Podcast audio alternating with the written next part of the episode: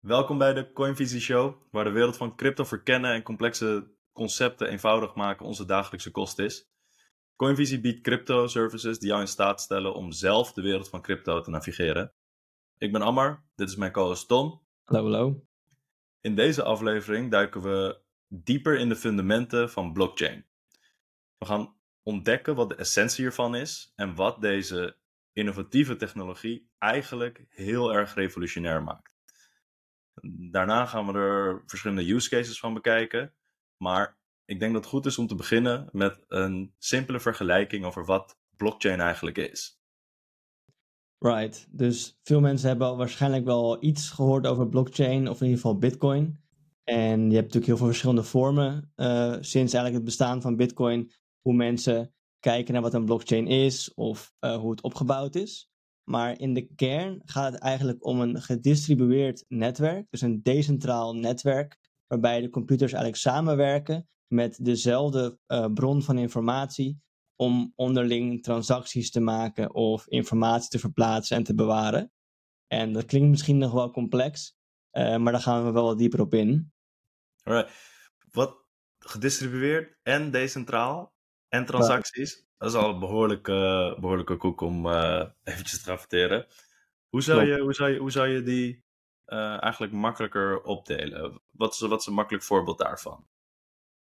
Nou ja, kijk, je hebt bijvoorbeeld, uh, we hebben allemaal wel eens met Excel gewerkt. En je hebt bijvoorbeeld een Excel-versie ook online. Hè? En via Google bijvoorbeeld kan je allemaal samen in een Excel-sheet werken. Uh, en eigenlijk op die manier met bijvoorbeeld vrienden of hè, collega's naar dezelfde informatiebron uh, kijken, jouw Excel-sheet. En daarbij spreken allemaal informatie aan toevoegen of dingen aanpassen. En bij een blockchain is het ook een beetje vergelijkbaar. Alleen dan is het wel zo dat vaak je eigenlijk alleen maar nieuwe informatie kan toevoegen.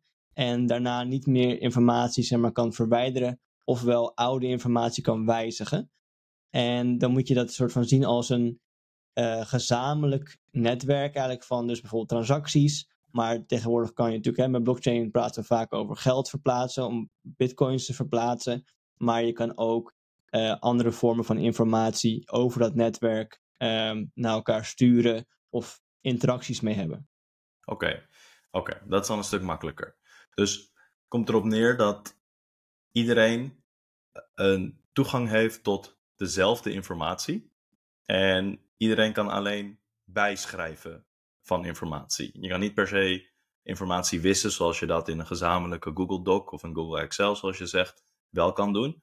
Maar het punt daarbij is ook is dat iedereen dezelfde bron heeft. Iedereen heeft hetzelfde bestand, kan naar dezelfde letters kijken, kan naar dezelfde formats kijken. Um, is, dat iets, is dat hoe je dis, uh, gedis, gedistribueerd definieert daar? Niet per se, in de zin dat bij een Excel-sheet die online staat, staat eigenlijk die Excel-sheet op de servers van Google, om het zo te zeggen. Alleen in de, in de vorm van blockchain-technologie hebben we eigenlijk allemaal op onze eigen computer um, diezelfde informatie tot onze, onze beschikking. Dus die informatie is gedistribueerd over het gehele netwerk en alle computers die daar aan deelnemen. Dus iedereen heeft een kopie van exact dezelfde informatie. Klopt. En dat is op zich wel een. Uh, op die manier is het heel lastig om te frauderen, lijkt mij. Want als jij iets aanpast op jouw versie, dan klopt dat niet meer met de andere versies die er zijn, die op alle andere computers staan.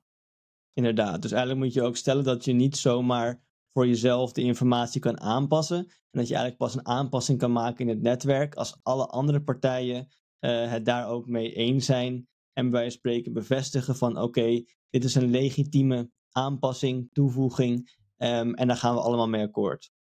Oké. Okay. En wat betekent decentralisatie dan precies?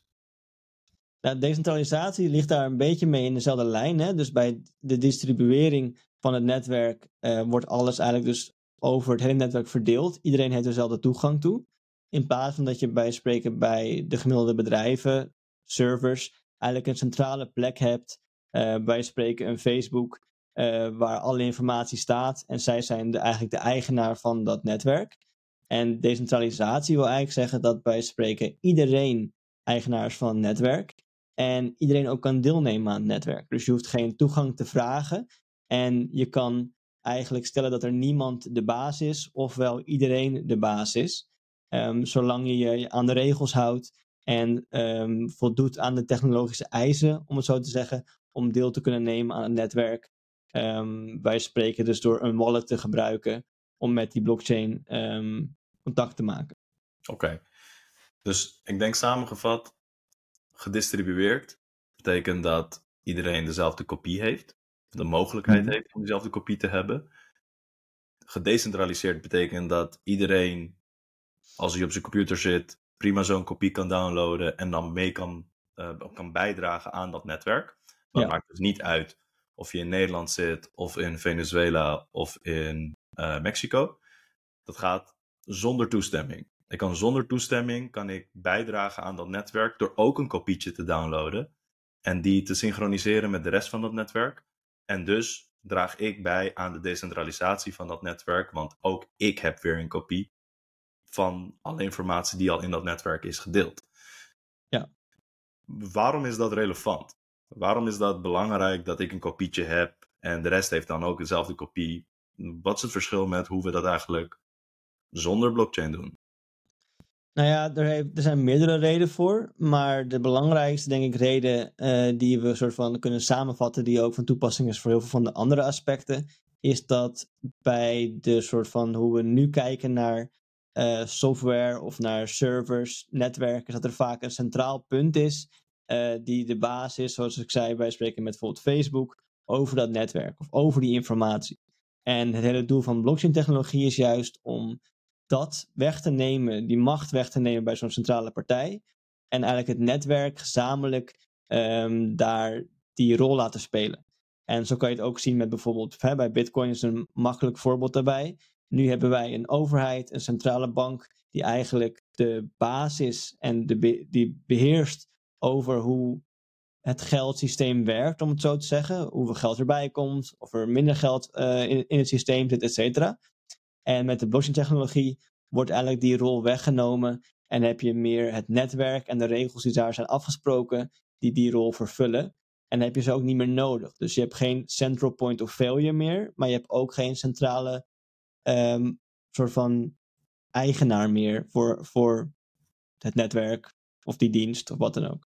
Oké, dus het gaat om autoriteit van die centrale partij, maar het gaat eigenlijk ook om gedeelde verantwoordelijkheid. Klopt, want kijk, bij heel veel netwerken is ook dus Facebook degene die dus ook dat netwerk onderhoudt. En die zorgt ervoor dat er nieuwe updates komen. En dat er developers aan het werk zijn om de behoeftes van de gebruikers uh, te, aan te voelen en aan te vullen. En um, bij een blockchain-netwerk zijn we bij wijze van spreken allemaal verantwoordelijk daarvoor. Er zijn natuurlijk bepaalde mensen die wat meer technisch aangelegd zijn, die ook die verantwoordelijkheid op zich nemen en denken van, nou ja, ik ga bijdragen aan het netwerk door een stukje code te schrijven of juist een stukje code te controleren of op andere manieren deel te nemen aan het netwerk. En dat is ook juist eigenlijk een van zijn krachten van zo'n blockchain soort van netwerk, is dat iedereen kan eraan bijdragen. Je hoeft niet per se bij Facebook te werken om iets kunnen toe te voegen aan het netwerk iedereen die gewoon de kennis heeft en de interesse heeft, kan dat doen. Ja, ik denk dat uh, blockchains aan zich, als je zo bekijkt, dat het een kopie is van dezelfde data en iedereen heeft die data en iedereen kan zelf een kopietje downloaden en dan het netwerk sterker maken door zelf ook een kopie te hebben. Ja. Dat lijkt me uh, wel relevant in het kader van centrale partijen die normaal gesproken de data beheren Ehm, en, en, en dat ook monetiseren eigenlijk. Maar daar zal ook wel een goede reden voor zijn, toch? Dat zij die data allemaal in beheer hebben. Um, en dat zijn niet voor niets ook privébedrijven. Um, ondanks dat ze soms al wel beursgenoteerd zijn, zoals Facebook met, met Meta. Dan nog is al die data niet uh, geschikt, lijkt mij, om op een, op een publiek netwerk te zitten ik denk niet dat het heel makkelijk, in andere woorden, zou zijn voor Facebook om te zeggen van hey, ik of wij stappen nu ook over op een blockchain-netwerk, omdat daarmee het netwerk sterker wordt en iedereen een kopie heeft van dezelfde data. Dus hoe je een blockchain-netwerk gebruikt, voor welk doel eigenlijk, is denk ik nog wel een hele belangrijke om op in te zoomen. En ook de verschillende karakteristieken aan een blockchain-netwerk. Want wat jij zojuist omschreef, heeft heel erg een publiek karakter. Hè? Het gaat Mhm. over informatie die iedereen mag hebben, waarin iedereen mag eh, deelnemen. Maar heel veel informatie is helemaal niet relevant om op een blockchain neer te zetten en zal dus ook niet gebruikt worden door een privébedrijf zoals een Facebook of eh, een, eh, misschien wel een bank. Klopt, Ehm, dat is zeker waar. En dat is wel iets wat interessant is om te. We hebben meegemaakt, bijvoorbeeld bij in 2017 eh, was er een hele transitie waarbij ehm, Ethereum, hè, je hebt in eerste instantie had je Bitcoin, waarbij het heel erg ging om soort van de rol van geld en, en waarde, en dat dan te combineren met blockchain. En dat werd eigenlijk uitgebreid naar ehm, met Ethereum en andere, andere blockchains, die eigenlijk veel breder zich wilden inzetten en veel bredere opties wilden bieden eh, met blockchain. Meer mogelijkheden, om zo te zeggen. Maar dat wil niet zeggen dat alles inderdaad ook ehm, ja, past bij de kern van wat blockchain-technologie is. En daardoor ook bruikbaar is voor alle vormen van netwerken of alle vormen van technologieën. Ja, dus als, als, als we terugkijken op de tijd, dan in 2009 is Bitcoin geboren, Mhm. samen met blockchain technologie. Ja. De allergrootste blockchain in de wereld. Eh, met de grootste blockchain bedoel ik het, het meest wijdverspreide en het meest actieve gebruikers daaraan. En ook de langste ehm, levensduur, is de Bitcoin blockchain. Dus dat is Mhm. een aparte blockchain ten opzichte van zes jaar later, in 2015, toen Ethereum werd geboren, van de Ethereum blockchain. En daarna zijn er nog honderden, misschien wel duizenden blockchains in, het, eh, in leven eh, gekomen. En in die hele fase eigenlijk ook nog veel meer andere soorten blockchains, die niet publiek van karakter waren, maar privé of tussen bepaalde groepen werden gebruikt. Dat is een beetje, zeg maar, als je hem zou afschalen, heb je dus één hele grote eh, Bitcoin blockchain. Daarnaast heb je een hele grote Ethereum blockchain. Die zijn allebei publiek. Daarnaast heb je nog heel veel andere blockchains die publiek zijn. Maar ook nog tegelijkertijd in die hele mix allemaal privé blockchains. En hoe noem je dat? Eh, eh, conglomerate blockchains of consortium blockchains meer. Ja. Dat idee. Ja, inderdaad. En dat is ook ehm, waar er natuurlijk nog heel veel ontwikkelingmogelijkheden zijn. Want blockchain, zoals je zegt, is een relatief nieuwe technologie. Dus het is voor heel veel mensen ook nog eigenlijk een beetje proberen van wat kan je hier allemaal mee en wat werkt. En sommige dingen werken op een hele publieke manier. Dus wijze van spreken bijvoorbeeld bij bitcoin en geld ehm, werkt het dat alle informatie publiekelijk is en iedereen eigenlijk allemaal alle transacties kan zien en elkaar kan verifiëren. Ehm, maar bepaalde informatie is niet echt praktisch als je het zo publiekelijk stelt, bijvoorbeeld omdat het privacy gerelateerd is, of hè, het privé-informatie is, ofwel omdat er gewoon eh, dermate veel transacties of informatie wordt veranderd de hele tijd, dat het hele idee van de blockchain een beetje wegvalt. Omdat, kijk, blockchain, het woord blok, komt eigenlijk voor uit het idee dat elke transactie, elk, elke blok, die, elke tra- transactie die in een blok wordt verwerkt, eigenlijk voortbouwt op alle transacties, alle blokken die daarvoor zijn geweest. Dus je bent eigenlijk constant aan het voortborduren op diezelfde informatie. Terwijl dat wil stellen dat wij spreken, ik stuur bitcoin naar jou en jij stuurt daarna diezelfde, wij spreken diezelfde bitcoin weer door naar iemand anders. Dan kan je dat hele traject volgen van waar die bitcoin is geweest.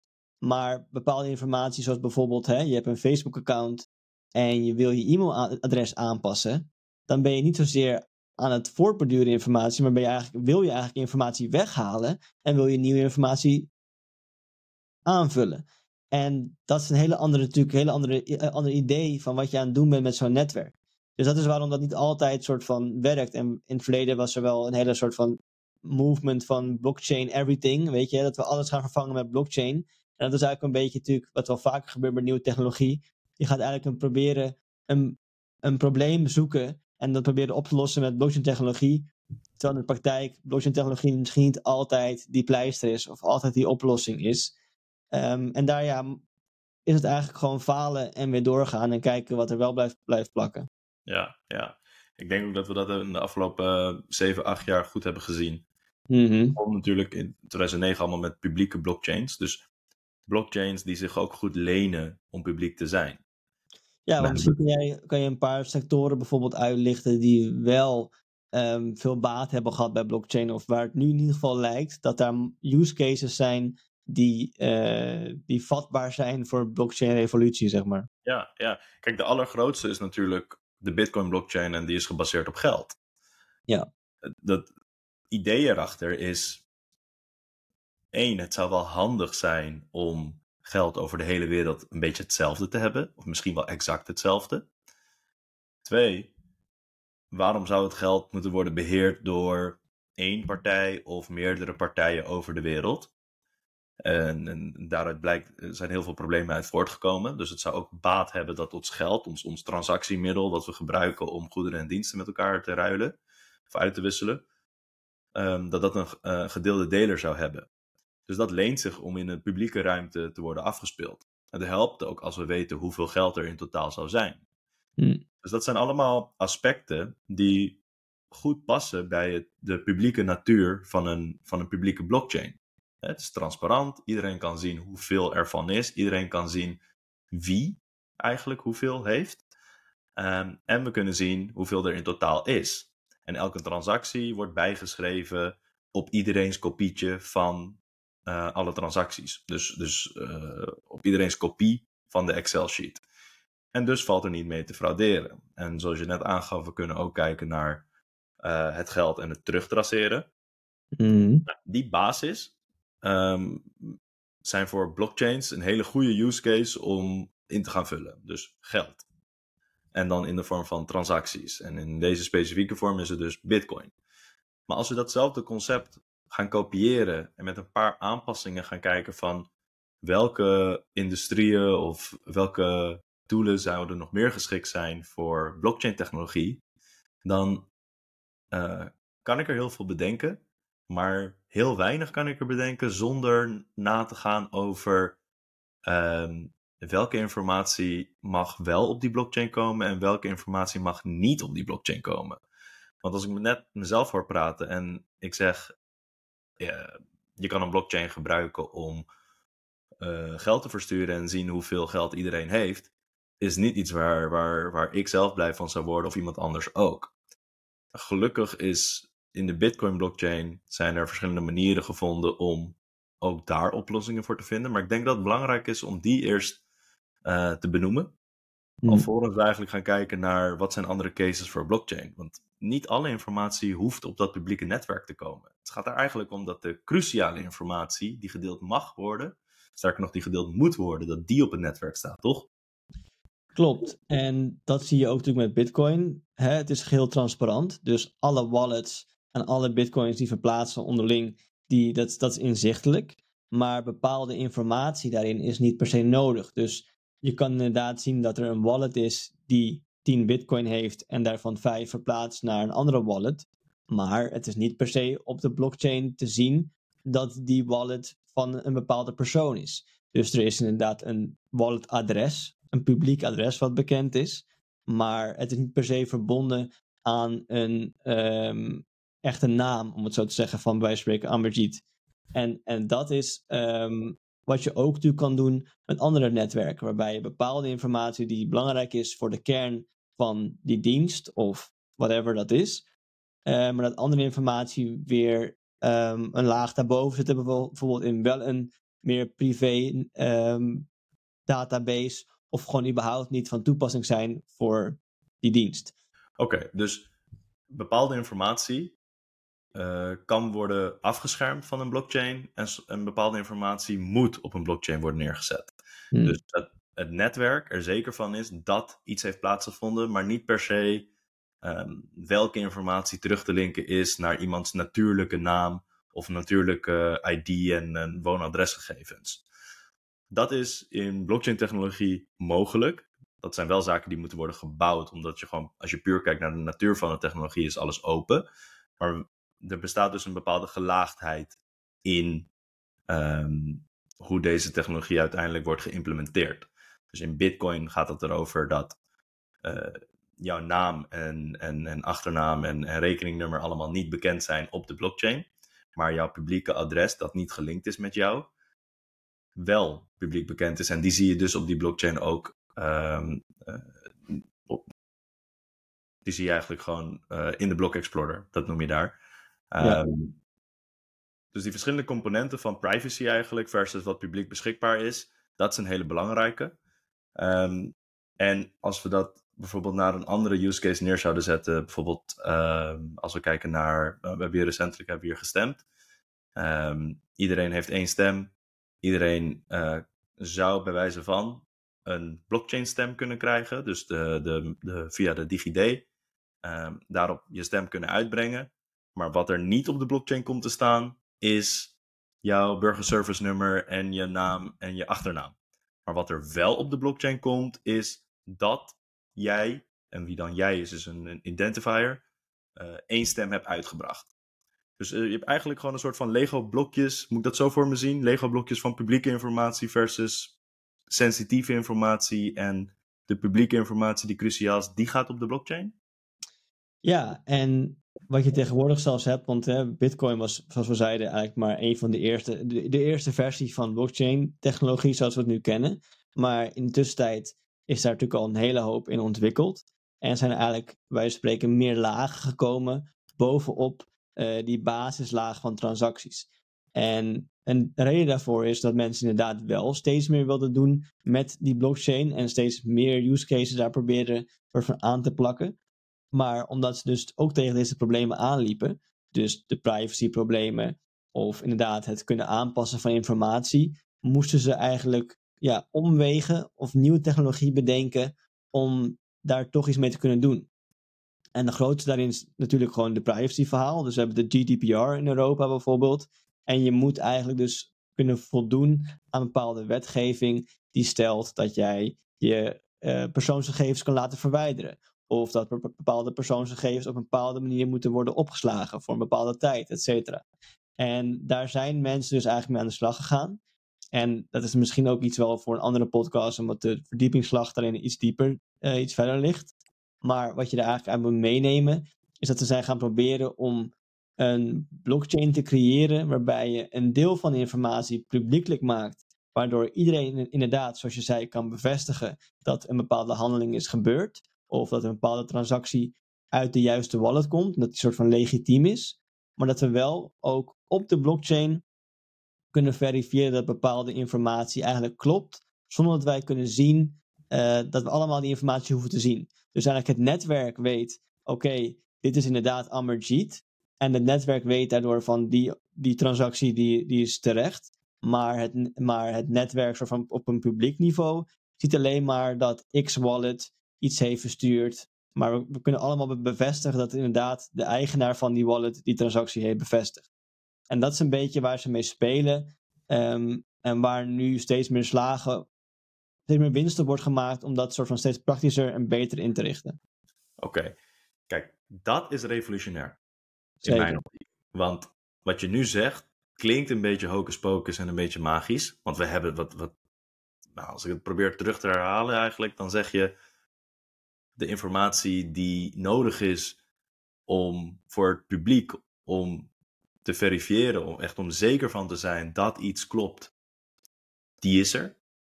En alle informatie die sensitief is, die blijft gewoon bij mij privé.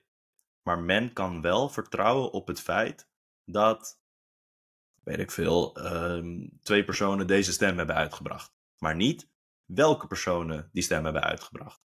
En dat kan allemaal samen in wat je noemt blockchain technologie.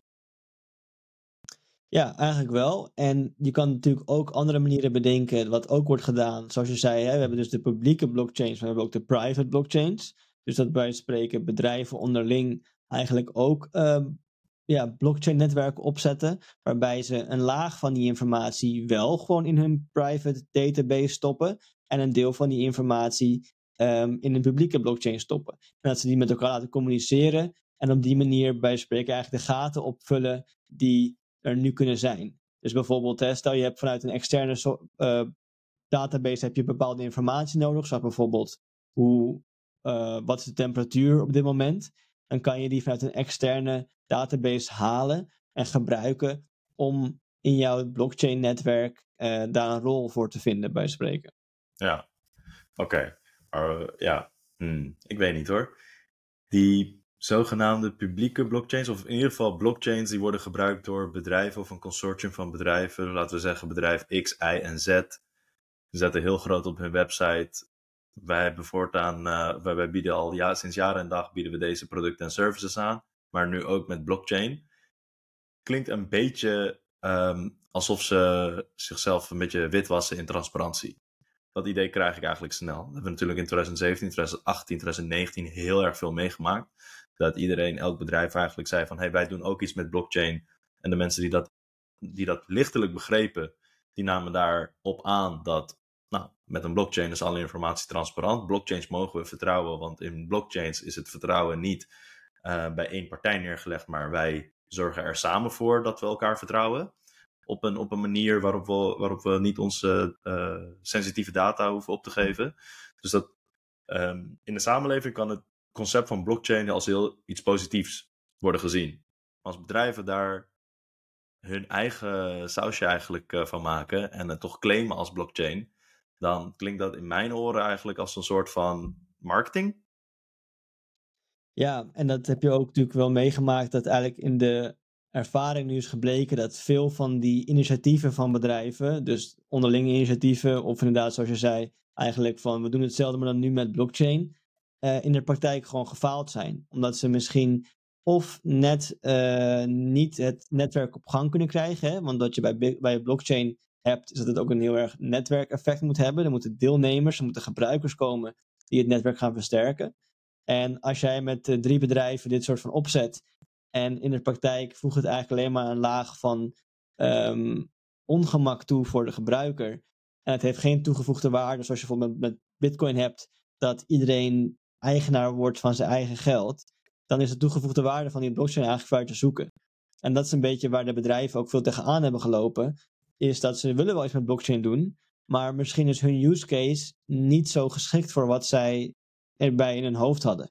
Of zijn de bedrijven eigenlijk gewoon helemaal niet klaar om op die manier om te gaan met hun dienst, ofwel whatever, hè, of hun product. En moeten ze of eigenlijk een hele grote stap maken naar een hele nieuwe soort van um, diensten of een nieuwe soort van producten, in plaats van dat ze eigenlijk het willen plakken aan wat ze nu al aan het doen zijn. En daarom zie je dat juist de helemaal nieuwe ideeën, de soort van bedrijven, producten die, om zo te zeggen, geboren in crypto en in, in, in blockchain, dat die veel meer vatbaar zijn om ook echt uh, een beetje op gang te komen en een netwerk op te bouwen. Versus ja. de bedrijven die het gewoon maar eraan plakken. Ja, ja, ja, precies. Kijk, het is natuurlijk ook gewoon een grote evolutie. Hè? Het is niet alleen per se revolutionair, maar het is ook gewoon evolutionair. Ik bedoel, hmm. als je in deze tijd of in de afgelopen 15 jaar doorbouwt, maar niet de netwerkeffecten van internet meeneemt, dan weet ik eigenlijk niet zo heel goed wat je aan het doen bent.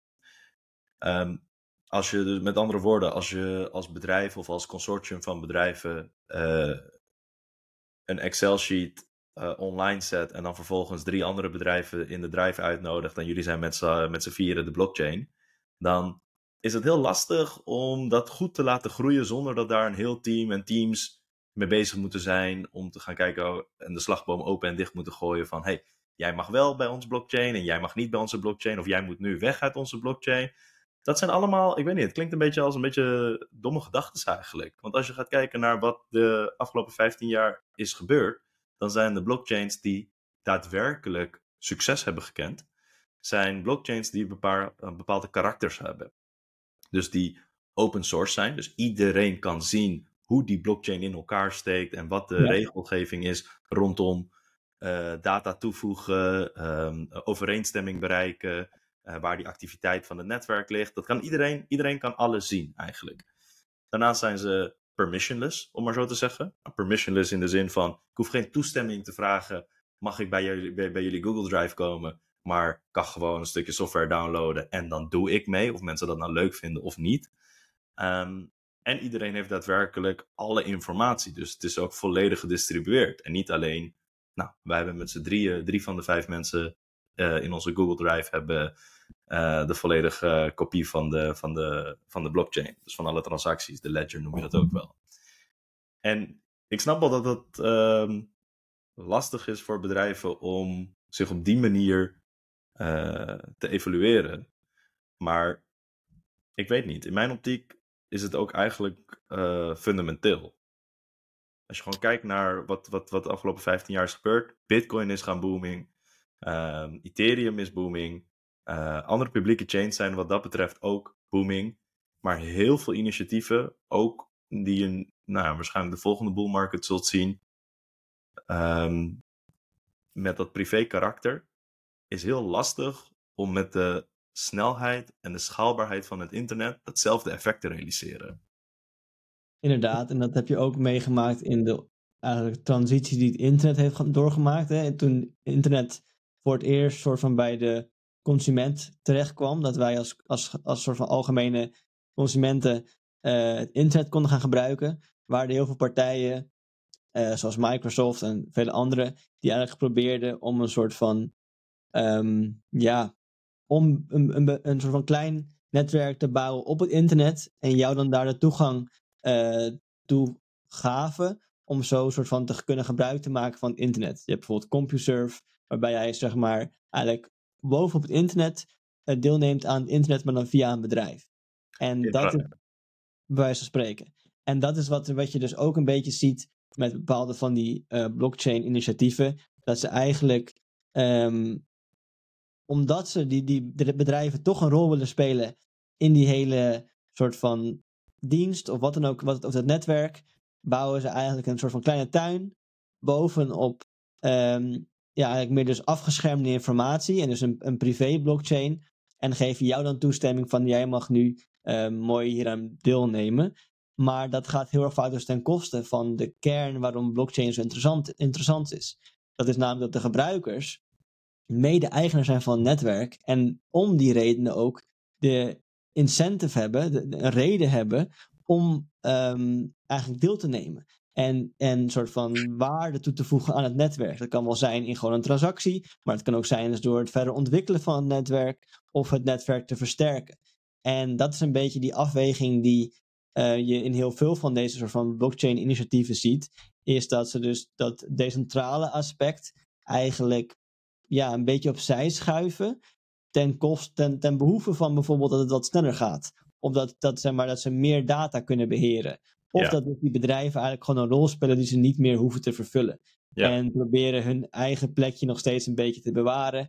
Terwijl waarschijnlijk in de toekomst er nieuwe initiatieven komen van gewoon eigenlijk mensen, developers, nieuwe bedrijven, die dat probleem niet hebben, die niet per se erbij hoeven te horen, maar die wel iets willen bouwen waar dezelfde dienst wordt geleverd, maar dan op een manier waarop er niet meer dus eigenlijk een, zo'n vertrouwenspersoon, zo'n centrale punt hoeft te zijn die daar de baas van is. Ja, ja. ja kijk, dat is, dat, dat is wat uh, mensen echt moeten weten. Als het moment dat ze blockchain horen, dan moet er eigenlijk ook een bedenking zijn van oké, prima dat het blockchain is, maar hoe ziet die blockchain eruit? En ik begrijp dat het voor mensen niet altijd interessant is of feasible is om dat helemaal te gaan uitzoeken. Maar wat je zegt klopt. Hè? Ik bedoel, de ene partij, zoals een Solana bijvoorbeeld, uh, die gaat heel erg op uh, de user experience en op de, de snelheid en de, de schaalbaarheid van, het, uh, van, van hun chain. Mm. waarbij Ethereum heel erg de decentralisatie probeert aan te, in, in, nou, eigenlijk uit hebben gespeeld en vervolgens die schaalbaarheid erin proberen te krijgen. Toch? Um, maar ik denk, resume, wat wij net bespreken, als je iets hoort over blockchain, dan is het heel goed om te bedenken of die blockchain daadwerkelijk ook publiek op het internet uh, is, uh, is uh, nou, gedeployed. Um, Of hij uh, permissionless is, dus zonder toestemming dat je daaraan kan bijdragen. Of dat hij komt met een hele gebruiksaanwijzing en regelgeving die bedrijven hebben opgesteld voordat, ze, voordat jij die blockchain kan gaan gebruiken. Dus um, weet je, in, in eh, ESG, dus in dat de hele wereld groener moet worden en dergelijke, gebruiken heel veel bedrijven, die trekken dat aan en dat noem je dan greenwashing. Dus ja. ze zijn eigenlijk bezig met dezelfde praktijk en de wereld vervuilen, maar ze noemen het groen en dan denken mensen dat het groen is. Dat gebeurt hier ook. Blockchains zijn niet per definitie zonder, te, zonder vertrouwen uh, beschikbaar op schaal beschikbaar, ehm, eh, veilig uh, van de natuur, open source, dat iedereen dat kan zien. Dat is niet van natuur zo. Um, de blockchains waarin dat wel geldt, kan je eigenlijk best wel beperkt in zijn. Toch? Welke blockchains zijn, dat, zijn, zijn dat volgens jou? Ja, het is natuurlijk een beetje een subjectief iets ook daarin. Want hè, je moet bijvoorbeeld een bepaalde grens bepalen uh, vanaf wanneer iets genoeg decentraal is. En dat kan je bijvoorbeeld, om een voorbeeld te geven, kan je zeggen dat um, als voorbeeld met, met Bitcoin heb je hè, miners dus. Dat zijn een soort van de partijen die zorgen dat de, de, de blockchain op gang blijft, dat transacties worden verwerkt en dat, en dat het hele systeem blijft lopen. Stel je hebt uh, in een netwerk heb je vijf miners maar. En dit zijn vijf bedrijven die alle vijf zo'n zo'n zo'n miner tot zich beschikking hebben eigenlijk. En als er iets wordt aangepast in het netwerk, dan worden gewoon die vijf partijen eigenlijk gevraagd van ben je hiermee eens? Als ze allemaal alle vijf ja zeggen, of stel drie van de vijf zeggen ja, dan gaat het door. Dat kan je stellen dat dat zeg maar gedecentraliseerd is, want het is meer dan één partij. Maar als Vind hebben... jij dat? Vind, jij, vind jij dat een, een, een, voorbeeld van een van waar. Zeker, nee, zeker niet. Dus mijn punt daarbij is, en wat je daar mee kan vergelijken, is, is bijvoorbeeld Bitcoin, waarbij we het hebben over duizenden miners. En in de toekomst zeg, zijn miljoenen hè, miners of individuele partijen, want misschien één partij kan ook heel veel miners hebben, maar dat is een ander verhaal. Maar laten we zeggen dat er heel veel individuele partijen zijn, duizenden individuele partijen, die allemaal uh, meestemmen met wat er gebeurt in het netwerk. En dat hoeft niet per se via een miner te zijn, daar heb je ook andere manieren voor. Maar dat er in ieder geval een hele hoop mensen zijn die iets te zeggen hebben over het netwerk en die kunnen meebeslissen in wat de toekomst uh, in petto heeft, om zo te zeggen. En hoe verder je op dat spectrum gaat, dus bij spreken hoe meer partijen er zijn, hoe, hoe je kan stellen hoe decentraler het netwerk wordt. En hetzelfde voor distributie. Weet je, hoe meer computers die die database hebben, hoe beter die distributie is. En dat zie je met heel veel van de nieuwe projecten, dat die daarin nog een beetje eigenlijk tekort schieten. Want het is ook niet gek, hè? Je, maakt een nieuw, je hebt een nieuw idee, je hebt een nieuw blockchain concept bedacht. En dan kan je niet meteen, op, dag één verwachten dat er dan duizenden partijen dat meteen adopteren en, en daar een, een, een, een soort van software voor gaan draaien, dat het netwerk op gang komt. Dat is een proces wat over time moet ontwikkelen, omdat mensen zien dat er, hey, er is wat waarde in dit netwerk. Hè? Het, heeft wat toegevoegde waarde voor de gebruiker, of um, er is zeg maar een nieuwe use case die daar erg belangrijk is en mensen willen daaraan bijdragen. En dat is eigenlijk een beetje waarom heel veel van die nieuwe projecten nog eigenlijk ja, gewoon wat tijd nodig hebben om meer decentraal te worden. En ook juist die macht die dan in het begin, hè, er zijn waarschijnlijk bijvoorbeeld 10, 20, misschien 50 um, mensen die samen het idee hebben om dat netwerk te beginnen. Kan ook één persoon zijn die zeg maar, allemaal mensen aan zich trekt, of het is een groepje van gasten die denken van wij, wij hebben een gaaf idee. Ja, die moeten eigenlijk gewoon zieltjes gaan winnen. Van kunnen deze mensen iets bouwen wat beter is dan iets anders of een andere rol vervult? En zijn er andere gebruikers die aan het netwerk willen gaan deelnemen? De meeste falen omdat het gewoon niet op, niet op gang komt. Het haalt niet dat netwerkeffect wat bijvoorbeeld Bitcoin, ja, die heeft natuurlijk al 14 jaar nu de tijd gehad om steeds meer adoptie te creëren om, zichzelf heen.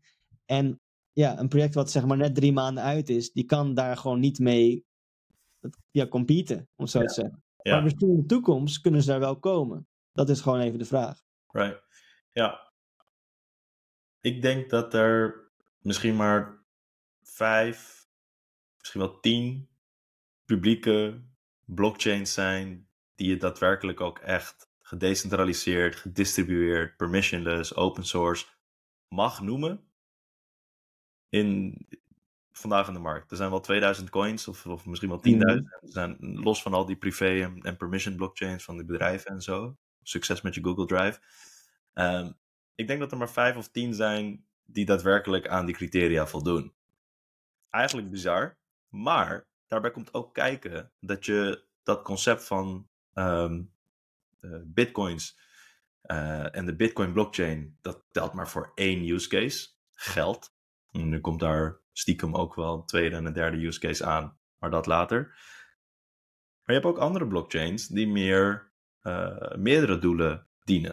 En dat noem je ook wel letterlijk een, een general purpose of multipurpose blockchain.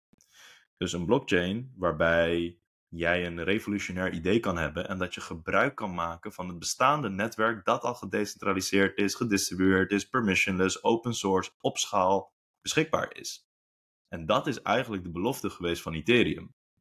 En na Ethereum zijn er nog een aantal Ethereum killers gekomen. Dus Solana's en Cardano's die claimen op een van die vijf, zes criteria nog beter te zijn. Of daar meer prioriteit aan geven omdat ze dat belangrijker vinden in hun visie. Maar dat is het toch wel zo'n beetje. Waarom, zou je, waarom zou, zou je nu nog als cryptocurrency of als bedrijf je eigen blockchain gaan maken? Dat slaat toch nergens op eigenlijk?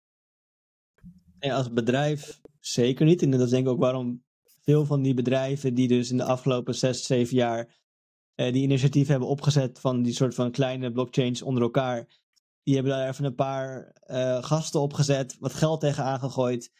kwam vaak niks uit. En zijn daarna, eigenlijk, zijn, ja, zijn daarna eigenlijk gaan bijdragen aan al de bestaande netwerken. Daaraan aan soort van zich aangesloten hebben aan bepaalde projecten of bepaalde ideeën. En op die manier zijn ze eigenlijk gewoon ook alsnog onderdeel geworden van het netwerk. Maar dan eigenlijk op de manier zoals het zou moeten. Wat is dus in de soort van totale netwerk van crypto te stappen. En een soort van gewoon deel te gaan nemen. In plaats van weer je eigen tuin te bouwen naast crypto. En denken van kom alsjeblieft hierheen. Want hier is het beter om deze redenen. Er is, er is je, je, eigen tuin bouwen, maar er is een heel bos beschikbaar, zeg maar. En je kan daar gewoon op springen. Het is permissionless. Je ja. kan het gebruiken. En je hoeft niet de hele blockchain en governance, dus regelgeving eigenlijk, en marketing en zieltjes winnen, uh, uit te gaan voeren. Maar je kan je focussen op jouw product. Inderdaad. Wat jij echt denkt dat revolutionair is. Daar kan je op focussen. Inderdaad. Ik snap maar niet hoe bedrijven zich nog steeds uh, voor de gek houden. Of een kleine cryptocurrencies, wat dat betreft ook hoor. Waarom ze niet gewoon verder bouwen op de Solana's, Cardano's, Ethereums, noem maar op. Dat heeft twee kanten. Kijk, als jij een specifieke soort van use case hebt die je wil vervullen, dus eigenlijk een, uh, je wil gewoon gebruik maken van een blockchain netwerk, um, dan zou ik het zeker aanraden om gewoon een netwerk, een bestaand netwerk uit te kiezen waar je een beetje vertrouwen in hebt en daarop te gaan bouwen. Maar je, ik, ik ben niet tegen ontwikkeling in de zin van als jij een betere blockchain hebt bedacht in de kern van technologie en je hebt echt daar een beetje een soort van um, iets nieuws te pakken, voor jouw gevoel dan, ja, probeer het maar. Kijk, als jij, het probleem juist wel van zo'n publiek grootschalig netwerk, is dat het ook een beetje stuurt als een uh, olietanker, bij wijze van spreken. Weet je, je kan geen korte bochtjes maken. Je moet soort van lang vooruit plannen waar je naartoe gaat. En soort van heel mondjesmaatjes kan je daarheen bewegen. Ja. En, en komt er ineens een soort van grote ijsberg op je, op je pad. Dan kan dat soort van misschien heel moeilijk zijn om daar uh, omheen te sturen. En dat heb je natuurlijk met technologie ontwikkeld super snel. Uh, vooral ook in crypto. Als jij zeg maar een half jaar even niet uh, up-to-date blijft, dan zit je ineens in een hele andere space voor je gevoel. Weet je, er zijn hele nieuwe chains uitgekomen, er is nieuwe technologie aangeplakt. En je moet eigenlijk weer, ja, ook dat concept wat je überhaupt in technologie hebt, ook met crypto meepakken, dat er blijft ontwikkeling zijn. En ja. sommige van die ontwikkelingen kunnen in principe gewoon ook op dus die olietankers worden geplakt. Hè? Die kunnen gewoon eraan op worden gebouwd en het is gewoon, het is van toegevoegde waarde. Maar sommige mensen hebben dit idee dat bijvoorbeeld er eigenlijk in die kern van die olietanker, wij spreken helemaal diep in de, in de machine ergens, dat daar een grote slag kan worden geslagen als je een bepaalde aanpassing doet. En dat zie je dus nu heel vaak, wat je zei met de Ethereum killers. Dat ze eigenlijk zeggen van ja, maar wij gaan nu in transactiesnelheid uh, tien keer over de kop, omdat we deze aanpassing hebben gemaakt. En dan wordt er vooral weer gekeken van oké, je hebt die aanpassing gemaakt, maar vaak gaat dat dan ten koste van iets anders. Dus hoe heb jij die aanpassingen gemaakt zonder dat je eigenlijk um, de andere criteria's uh, vermindert of, of verslechtert. Dus bij wijze van spreken de, de, de decentralisatie of de veiligheid. Hè? De, de, zeg maar, hoe, hoe, hoe veilig is het netwerk? Maar stel je voldoet aan al die eisen, dus je maakt een aanpassing die het beter maakt en je gaat daardoor niet snijden met een van de andere criteria, heb je misschien een beter netwerk te pakken. En als jij het dan voor elkaar krijgt om daar adoptie omheen te creëren, heb je de mogelijkheid dat je bij spreken niet per se een Ethereum killer maakt, misschien wel, maar dat je iets, in ieder geval een netwerk bouwt wat uh, reden heeft om te bestaan, om het zo te zeggen. Ja. En om het idee te, wat je net zei, wel te bevestigen, er zijn al duizenden nieuwe projecten bedacht in de afgelopen 10, 12, whatever jaar. En 99% daarvan heeft het niet gehaald. Die heeft niet die adoptiecurve ervan weten te doorbreken. Maar er zijn een paar. Want bijvoorbeeld Solana is ook relatief nieuw in dat opzicht. Nieuwer dan Ethereum. En heeft ook een bepaald bestaansrecht voor zichzelf gecreëerd.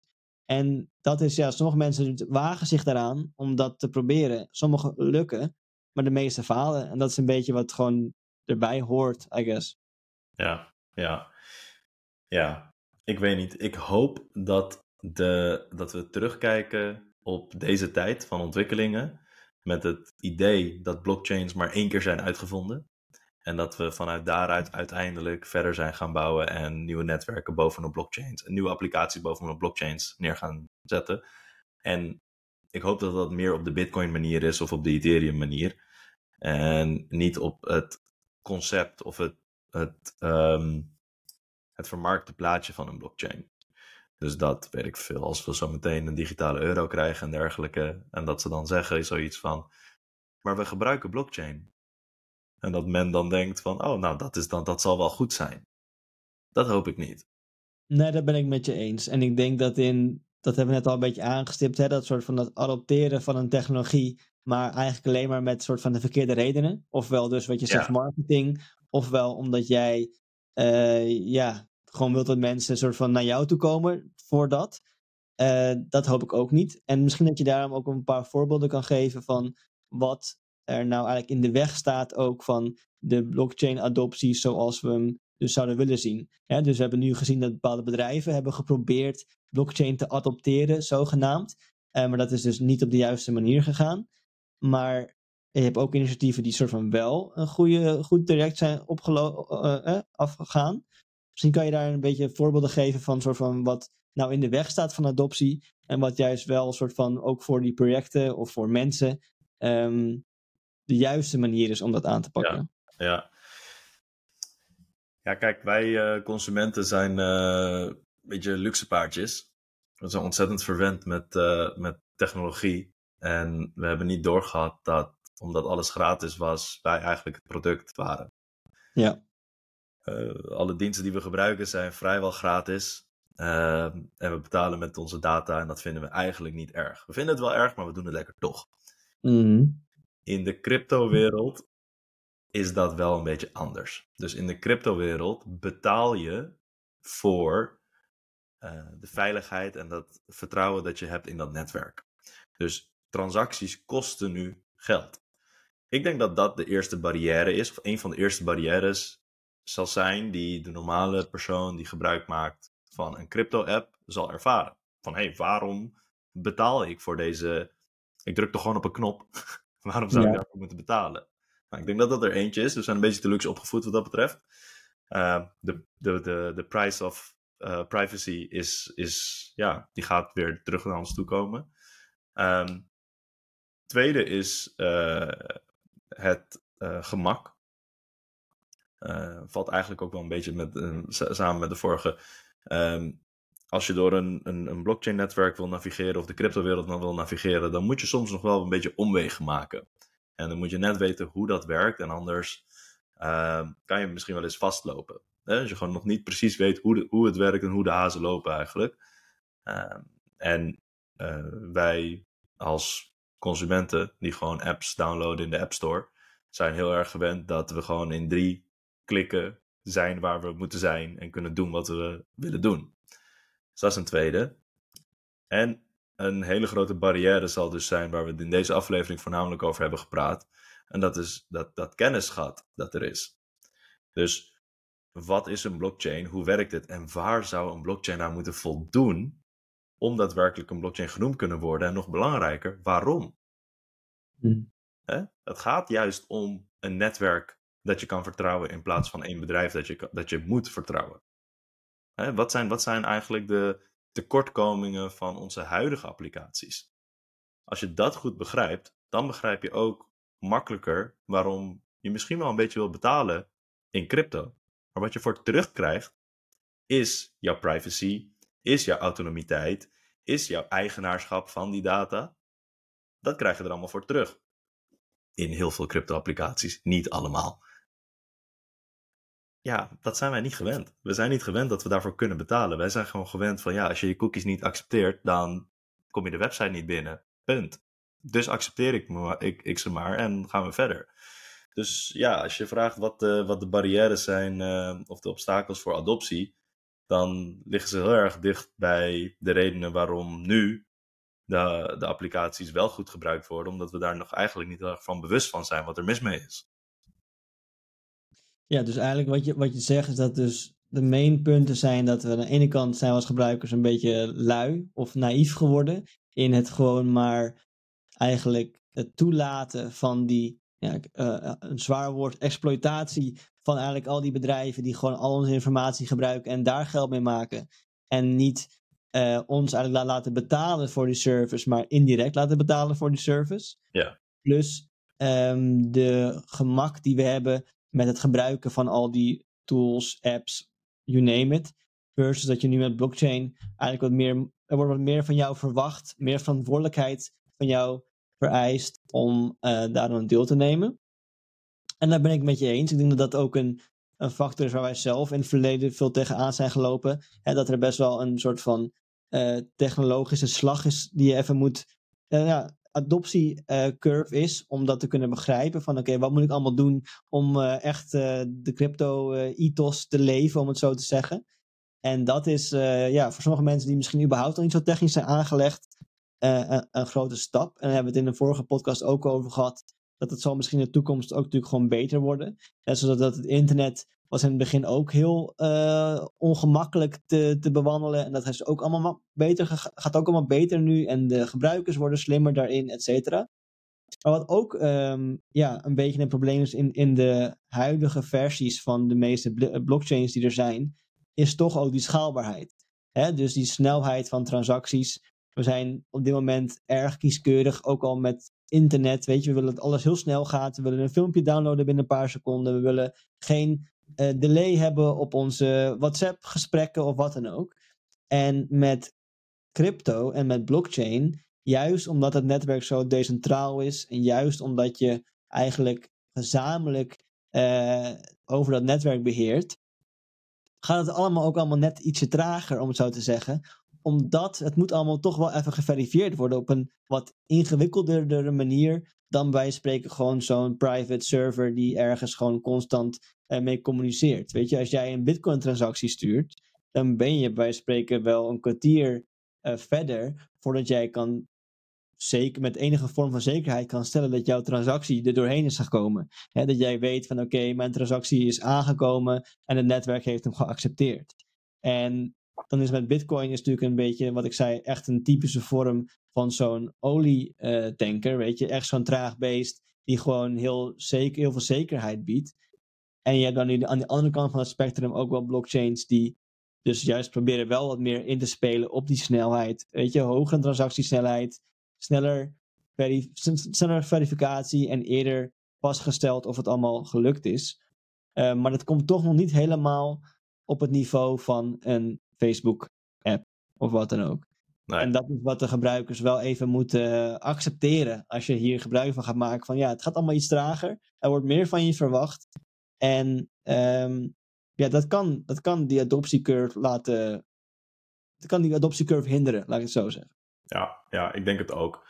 Ik denk dat de wereld um, waarvan de. Nou, de wereld waarin de huidige applicaties precies hetzelfde qua gemak en kosten en snelheid liggen op het niveau van de crypto-applicaties. Ik denk dat daar nog wel lang een verschil in zal blijven bestaan. Al evolueert die wereld wel gewoon heel erg snel. Dus het kan ja. wel. En natuurlijk is er ook nog iets als het doorbreken van de status quo.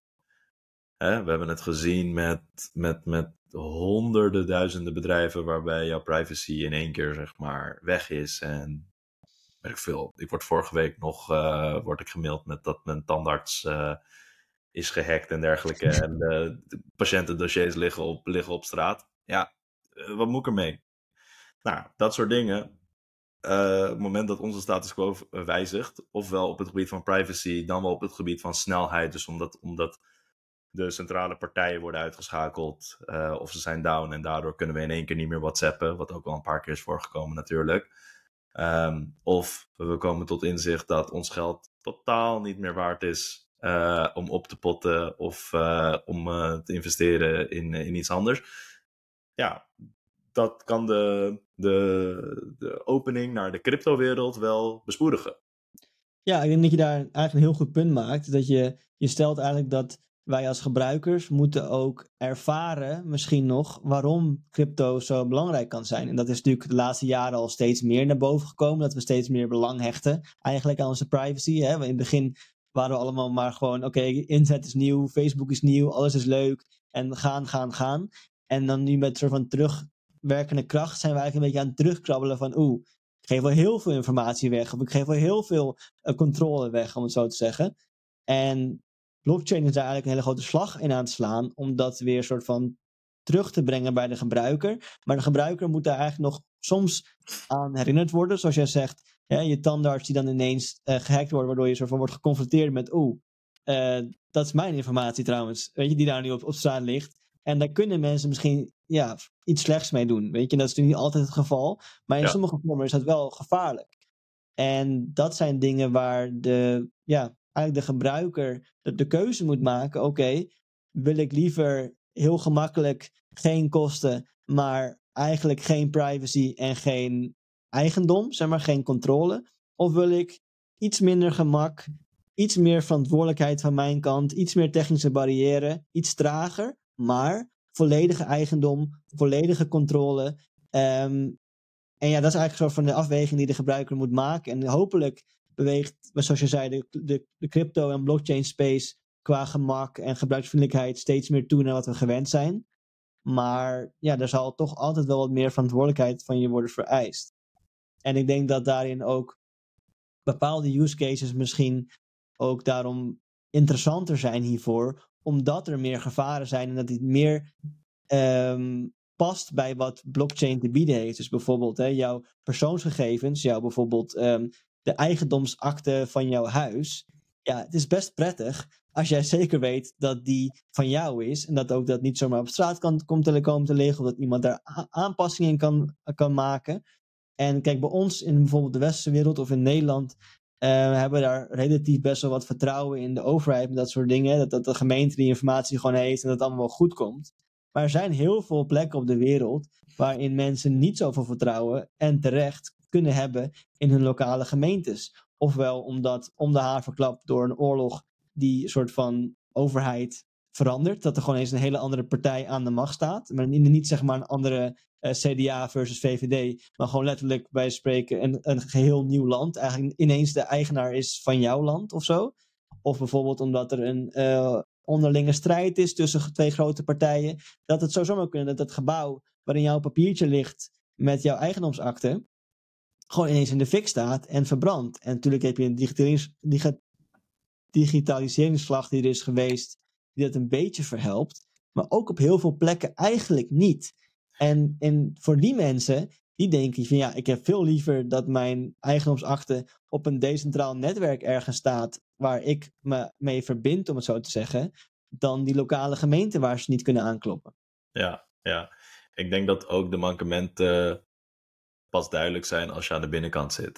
Ik bedoel, ik denk dat elke luisteraar en wij zelf ook van de buitenkant zien de bedrijven er heel perfect uit. Maar op het moment dat je er gaat werken, dan kom je al heel snel achter van, oh man, dit is zo'n shitzooi wat hier gebeurt. En hè, dat, bespreek je dan op de borrel of met je vrienden in, in privé setting, wat eigenlijk niet mag en dat soort dingen. Maar um, zo realistisch moeten we denk ik wel zijn. En het zijn wel de bedrijven, de gemeentes, de overheden die bepalen over jouw data, bepalen over jouw eigenaarschap, bepalen over hoe jij eigenlijk geld verdient. En crypto kan daarin gewoon een hele grote uh, evolutie zijn. En op dit moment zijn daar nog wel wat haken en ogen aan. Op, op snelheid, op gemak, op kosten. Um, maar ook daarin helpt het wel als je weet hoe je moet navigeren. En ik denk dat dat ook een rol is die uh, communities hebben. Uh, een rol uh, is die bedrijven kunnen hebben. Uh, een rol is die het onderwijs kan hebben. En een rol is die ook wij hebben. Dus met CoinVisie bieden wij dus ook trainingen aan in Bitcoin, in blockchain, in Web3, in Ethereum, maar ook services daaromheen die jou echt begeleiden in welke applicaties je kan gebruiken voor welk doel. Of ehm, hoe je eh, op een automatische en flexibele manier aan je bitcoin komt, maar wel in eigen bezit. Ehm, eh, hoe je met een, een wallet overweg gaat. Dus kortom, eigenlijk alles wat ehm, om op de juiste manier te landen in crypto, zonder helemaal de slechte kanten van crypto te ervaren, omdat die wereld nog niet perfect is. Ik bedoel, zo eerlijk moeten we zijn. Dat is wat wij dus aanbieden. En zo zijn er meer bedrijven die, denk ik, ons zullen volgen, hopelijk, om uh, het stukje adoptie te vergroten en mensen gewoon eerder in crypto te laten komen, omdat de wereld zoals we die kennen, het internet dat we kennen, eigenlijk niet heel goed is voor ons, de gebruiker. Het is goed voor de adverteerders. Het is goed voor de mensen met macht. Het is goed voor de databrokers. Maar het is niet per se heel goed voor ons, de eindgebruikers. En dat is iets wat, uh, wat in crypto wel centraal staat, de eindgebruiker, wij zelf. Ja, ik denk dat daarin ook, uh, wat jij zegt, de grootste slag te, grootste slag te slaan is eigenlijk hè, die educatie. Want wat er vaak nu gebeurt is dat mensen komen eigenlijk in crypto omdat de prijs omhoog gaat. Hè, ze horen op het nieuws, bitcoin is, is zoveel waard nu. En die denken, ah, ik had echt al heel lang geleden dit kunnen kopen voor een veel lagere prijs, bla bla bla bla bla. En ze stappen erin, het gaat weer omlaag en ze verliezen weer hun interesse. En dat is een beetje het verhaal wat je nu ook ziet gebeuren. En dan blijven er af en toe een paar mensen plakken die toch dat YouTube-filmpje aanzetten of de podcast aanzetten, waarin er toch een klein beetje die verdiepingsslag wordt geslagen naar van, oké, maar wat is het dat dan? Wat is Bitcoin dan? Los van even hoeveel één Bitcoin per stuk waard is. Wat is, wat is die Bitcoin? Wat kan ik daarmee doen? Et cetera. En als je die stap kan, kan maken en een beetje dieper kan gaan in van wat is nou precies die toegevoegde waarde van blockchain voor mij, dan heb je heel snel al dat mensen verder gaan kijken dan alleen maar de prijs van een crypto, een bitcoin, wat dan ook. En dat daar juist veel meer eigenlijk zit, veel meer waarde zit dan alleen maar het investeringssoort van mechanisme dat het heeft hè, erin ook nog verwerkt. Dat is een soort van side note bij die hele transitie en die hele evolutie die blockchain technologie soort van uh, biedt aan de wereld. Kom voor de prijs, blijf voor de technologie. Dat is waar het op neerkomt. En gelukkig hebben we zo'n heel goed marketingmechanisme dat de prijs is. Want Bitcoin vliegt binnenkort naar 100k en dan komen er meer mensen binnen. En hopelijk blijft 2% hangen. Ja. Uh, en het is onze missie om die mensen die in Bitcoin en blockchain en Ethereum en in Web3 komen, om die daar ook te houden. En daarbij kunnen we je helpen. Um, voor nu was dit het. Uh, we hopen dat deze duik in de wereld van blockchain als technologie als publieke technologie en de criteria die daaromheen staan en hoe je de neppe blockchains kan identificeren van de echte blockchains, dat die enigszins verhelderend was. Um, maar wil jij blijven leren? Over hebben hoor, dus dat is geen probleem. Ja, sowieso. Um, wil je blijven leren over crypto en verder die diepte ingaan met ons? Vergeet dan niet te abonneren um, en deze podcast te delen met je vrienden en familie, je collega's, uh, die interesse hebben in deze onderwerpen. Ook al hebben ze alleen interesse om de prijs, dan mag het ook. Bedankt voor het luisteren naar de Coinvisie Show, waar kennis en praktijk samenkomen. Tot de volgende keer. Tot de volgende keer.